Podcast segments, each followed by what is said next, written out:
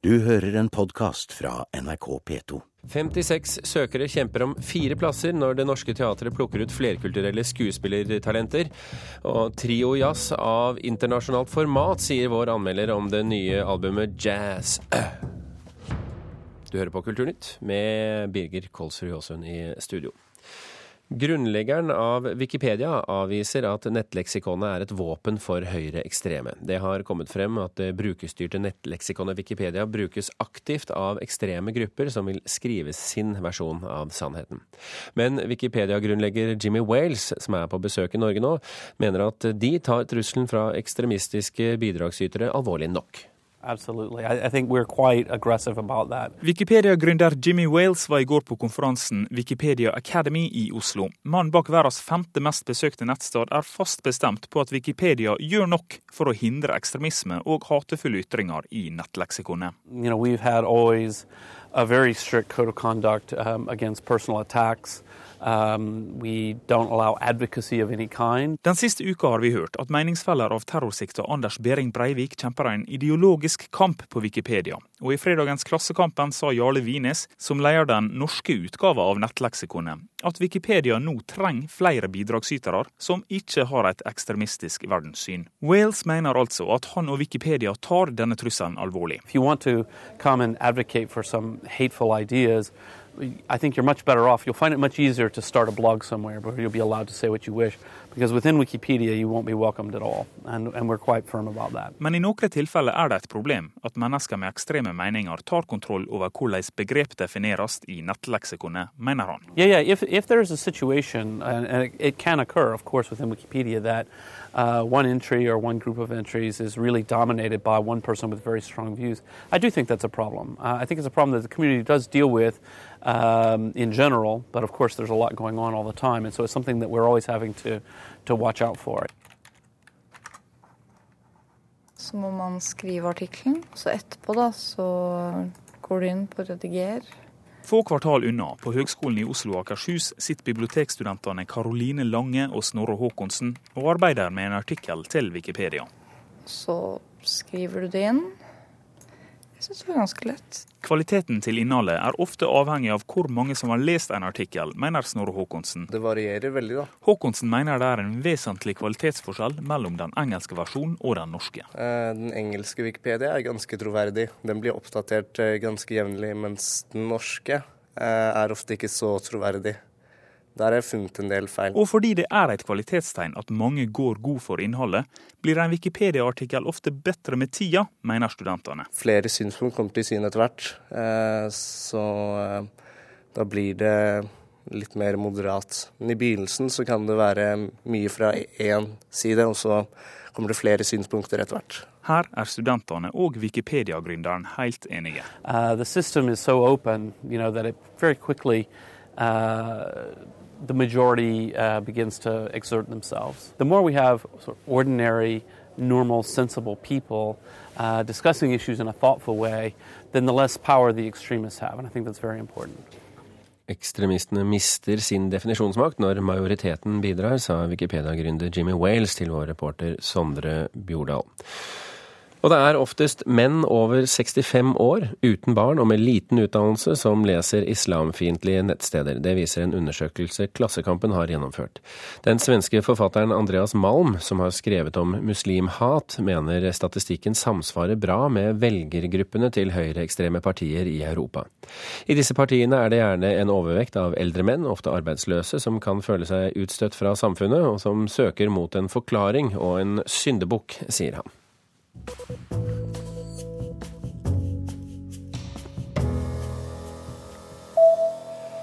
Jan Eggum blir juryleder for Amandaprisen 2012. Han har deltatt som publikum på Haugesund Filmfestival i alle år, og rykker nå altså opp til topps i hierarkiet som juryleder. Eggum sier han har takket ja til oppdraget som kvalifisert tilskuer, og skal lede de tre juryene som vurderer norske spillefilmer det er jo helt spesielt for meg som, eh, som overhodet ikke driver med film, men som er på en måte en slags kvalifisert seer da, og publikum. For jeg, jeg frekventerer jo tre norske filmfestivaler hvert eneste år, så jeg treffer jo hele filmbransjen. Og er på nikk med de, og så ser jeg eh, sikkert 50 filmer i året. Nå, nå handler det om norsk film, så nå ser jeg jo det på samme måten. Jeg gjerne fire for dagen, og det er veldig inspirerende. Så jeg regner med at det er fagfolket skal ta seg av de respektive fagområdene. Så, så kan jeg heller være en slags overkikker på dette. da. Og fagfolkene han snakker om, det er eh, fagfunksjoner innen film, alt fra skuespillere og regissører til produsenter, manusforfattere og fotografer. Facebook har for første gang på to år opplevd en nedgang i selskapets inntekter. Kvartalresultatene viser at selskapets inntekter har falt med 205 millioner dollar. Nyheten kommer samtidig som at Facebook gjør seg klar til å gå inn i aksjemarkedet neste måned. Denne uken startet opptaksprøvene til Det Norske Teatrets nye utdanning for flerkulturelle skuespillere. I samarbeid med Høgskolen i Nord-Trøndelag skal de gjennom nysatsingen Det multinorske plukke ut fire skuespillere til en bachelorgrad og et påfølgende praksisår. Pappa er fra Nigeria, og mamma er fra Mo i Rana. Eller ja, Norge. Mo i Rana. I foajeen på Det Norske Teatret sitter 25 år gamle Evelyn Rasmussen, født og oppvokst i Nord-Norge og på Oslos østkant. Snart er det hennes tur til å fremføre sin monolog foran en profesjonell jury bestående av regissører, skuespillere og lærere. Jeg har en tekst som, eller en monolog som jeg liker veldig godt. Og så har jeg lyst til å ta et dikt som jeg har skrevet selv. Dette er kanskje den siste gangen hun prøver seg på audition til en norsk skuespillerutdannelse. Ifølge venner og bekjente er mulighetene for en med ikke-nordisk utseende mye større i utlandet alltid så har folk sagt til meg å, du må jo dra til eh, USA, og du ser jo sånn ut. Altså, jeg ser jo kanskje ut som jeg kunne vært en afroamerikaner, men jeg er jo ikke det. Og jeg er jo norsk, og jeg har bunad, og jeg liksom går på hytta, jeg går på ski, liksom. Jeg vet ikke, jeg føler meg veldig sånn norsk, men jeg ser jo ikke sånn ut. Så jeg skjønner jo at folk er veldig sånn ja, du må dra til utlandet, for der er det mer muligheter for deg. Så blir jeg sånn nei, det har jeg ikke lyst til, jeg vil være i mitt land. Og drømmen kan bli til virkelighet dersom hun klarer å stikke seg frem blant de 55 søkerne fra land som Chile, Marokko, Gambia og Iran. Regissør og prosjektleder for studiet, Eirik Nilsen Brøyn, er godt fornøyd med søkerinteressen. En målsetting med prosjektet er å øke tilsøkningen til eh, denne type utdanning eller dette yrket. Da. Fordi det har vært veldig dårlig. Det, og, og der er det litt sånn hvor skal man begynne? Høna og egget-problematikken. Hvorfor søke seg til et yrke som du kanskje ikke ser noe særlig muligheter for jobb, men nå viser teatret en, en veldig klar vilje til endring. For det har vært mindre jobbmuligheter for skuespillere med innvandrerbakgrunn. Bransjens såkalte typecasting, som innebærer at roller fordeles basert på trekk som utseende eller hudfarge, skaper utfordringer for mange ikke-vestlige skuespillere. Det kan Binyam Iodego bekrefte. I teater har jeg jo blitt kasta for roller som, som, på en måte en innvandrergutt som på en måte har litt atferdsproblemer. Jeg har spilt, jeg har spilt en, eh, en flyktning som kommer til Norge for første gang, og hvordan han opplever det. på en måte.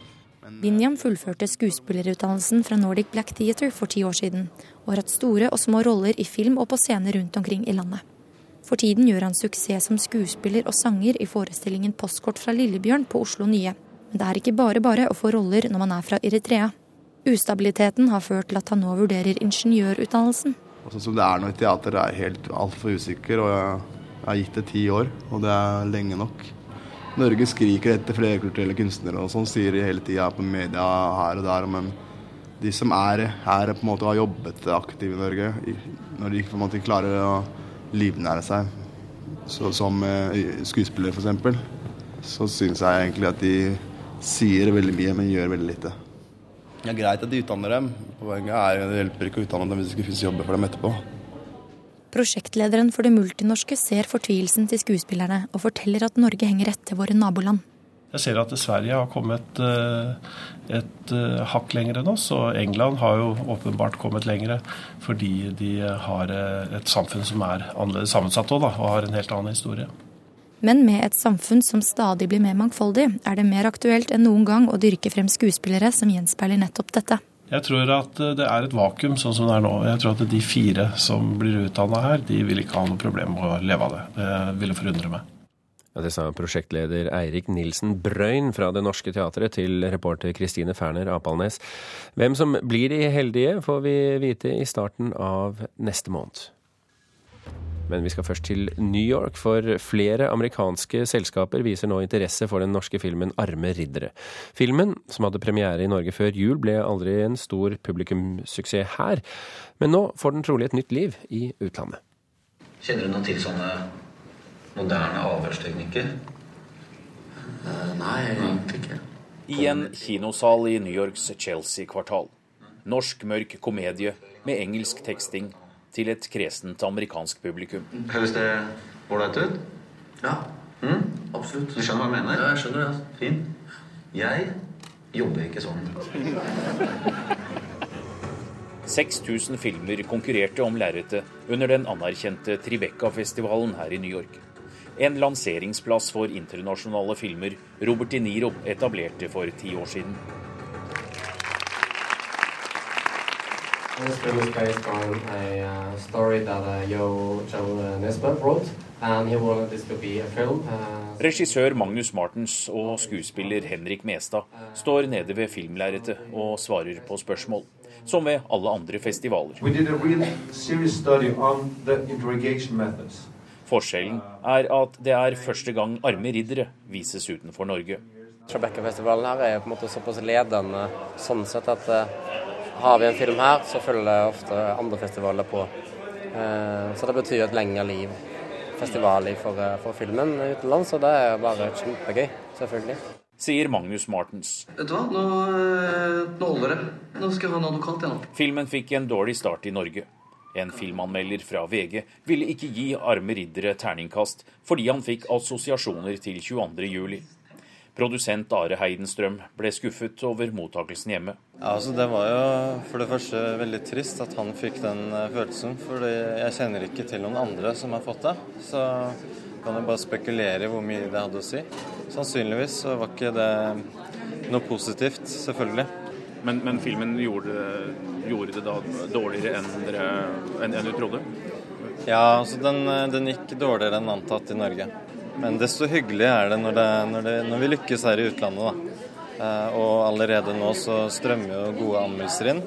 Og bl.a. Variety hadde en superbra anmeldelse av filmen. Så så jeg tror at internasjonalt så vil det, vil det bli en stor suksess. Og publikum og festivalen sjøl er jo kjempegira, så Det norske filmteamet har vært her i New York i fire dager. Jeg har gjort masse, massevis Allerede har de flere avtaler på blokka, og har møtt amerikanere som vil lage egne versjoner av filmen basert på Jo Nesbøs historie. Vi har fått en del henvendelser i forhold til remake-rettigheter. Hvor en del amerikanske selskaper har spurt om hvordan det ligger an og er interessert i å snakke og diskutere konkret om å kjøpe remake-rettighetene. For min del så er det da ja, agenter og sånne ting som, som, har sett filmen her, da, som er veldig entusiastisk. Så det, man, man, man må bare ta alt med en klype salt. og De er jo flinke å prate her, på en måte.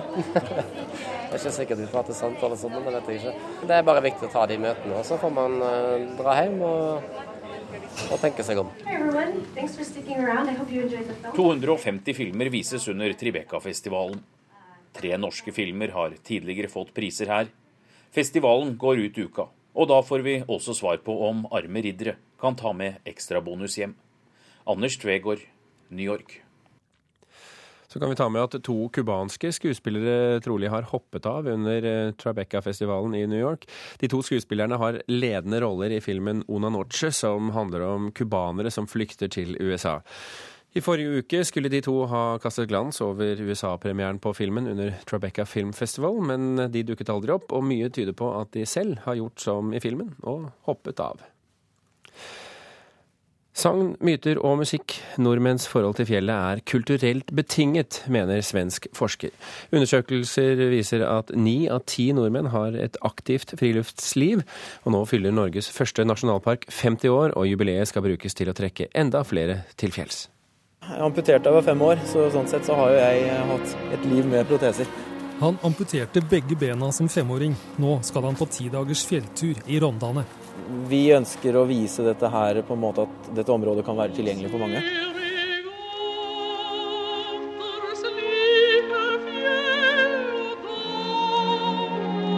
Geir Arne Hageland vokste opp med utsikt mot Rondane. Jeg vokste opp på Dovre.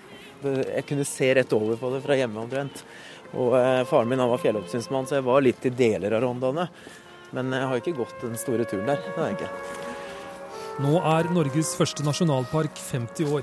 Og i den anledning skal den tidligere deltakeren i Lars Monsens populære TV-serier 'Ingen grenser' ut på enda en utfordrende langtur i fjellet.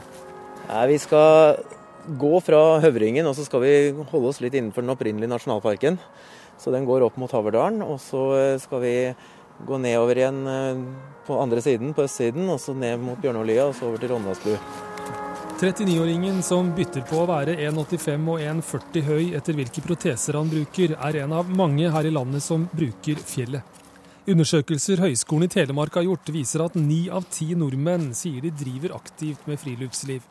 Ovenfor tregrensen, ikke sant. Der opphører mye av de sosiale forskjellene. Det der kan vi være slik vi er. Svenske Bjørn Tordsson har skrevet doktorgrad om norsk friluftsliv, og sier dette om hvorfor fjellet er så viktig for nordmenn. Det er fordi at eh, Norge er et fjelland, og at uh, søke seg til fjellet er at søke seg til uh, en slags opprinnelse, til kjernen i den, det norske landskapet, den norske kulturen. Og det er jo på den måten at uh, at natur og kultur griper inn i hverandre. og Slik sett så representerer jo fjellet eh, kjernen i norsk identitet. Forskeren sier nordmenns tilknytning til fjellet er kulturelt betinget. Norge hadde ikke en rik urban kultur å bygge sin nasjonale identitet på, men man hadde fjellet. Uansett om du er født i Bærum eller Oslo eller Drammen eller Trondheim, så kunne du være nordmann fordi at du elsket fjellet. Borgerne var jo opptatt av å oppleve fjellet på en estetisk måte, mens bygdekulturen var opptatt av kjøtt og seterbruk og så det der slog også en, en bro mellom, mellom bygdekulturen og, og, og bykulturen. Ja, Rondane er jo den første nasjonalparken i, i, Norge. Det er jo helt spesielt. Leder for nasjonalparkstyret Dovre Rondane, Bengt Fasteraune, sitter i programkomiteen for 50-årsjubileet til Rondane. Han sier det planlegges et stort kulturprogram til jubileet. For meg så er det også veldig viktig at nasjonalparkene blir brukt. Og det gjør de. Den norske turistforening rapporterer at stadig flere går i fjellet.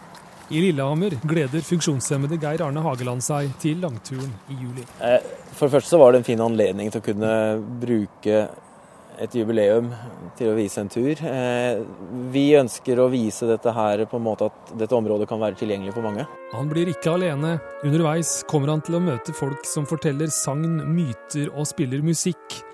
Og Kulturturen skal vises som et timeslangt program på NRK1 i romjula, sier TV-produsent Arild Halvorsen i Fabelaktiv. Det har vi tenkt å markere gjennom en roadtrip, rett og slett. Vi skal gå eh, Rondane rundt på ti dager. Eh, vise at det er eh, tilgjengelig for de aller fleste av oss.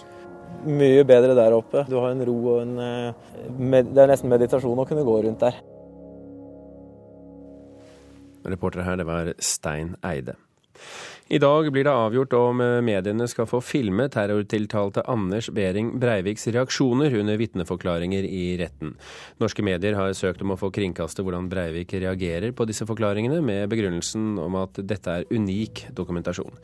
Påtalemakten har ingen innvendinger mot en overføring, men Breiviks forsvarere og flere av bistandsadvokatene argumenterer mot. Beslutningen tas før retten settes i dag. Kulturnytt runder av. I dag har vi fortalt at en av grunnleggerne av nettleksikonet Wikipedia mener at de tar trusselen fra ekstremister alvorlig nok, og at 56 søkere kjemper om fire plasser når Det Norske Teatret plukker flerkulturelle skuespillerstudenter. Kulturnytt fikk du av Hanne Lunås, Andrea Kvamme Hagen og Birger Kolsrud Aasund. Hør oss igjen i ettermiddag halv fem. Du har hørt en podkast fra NRK P2.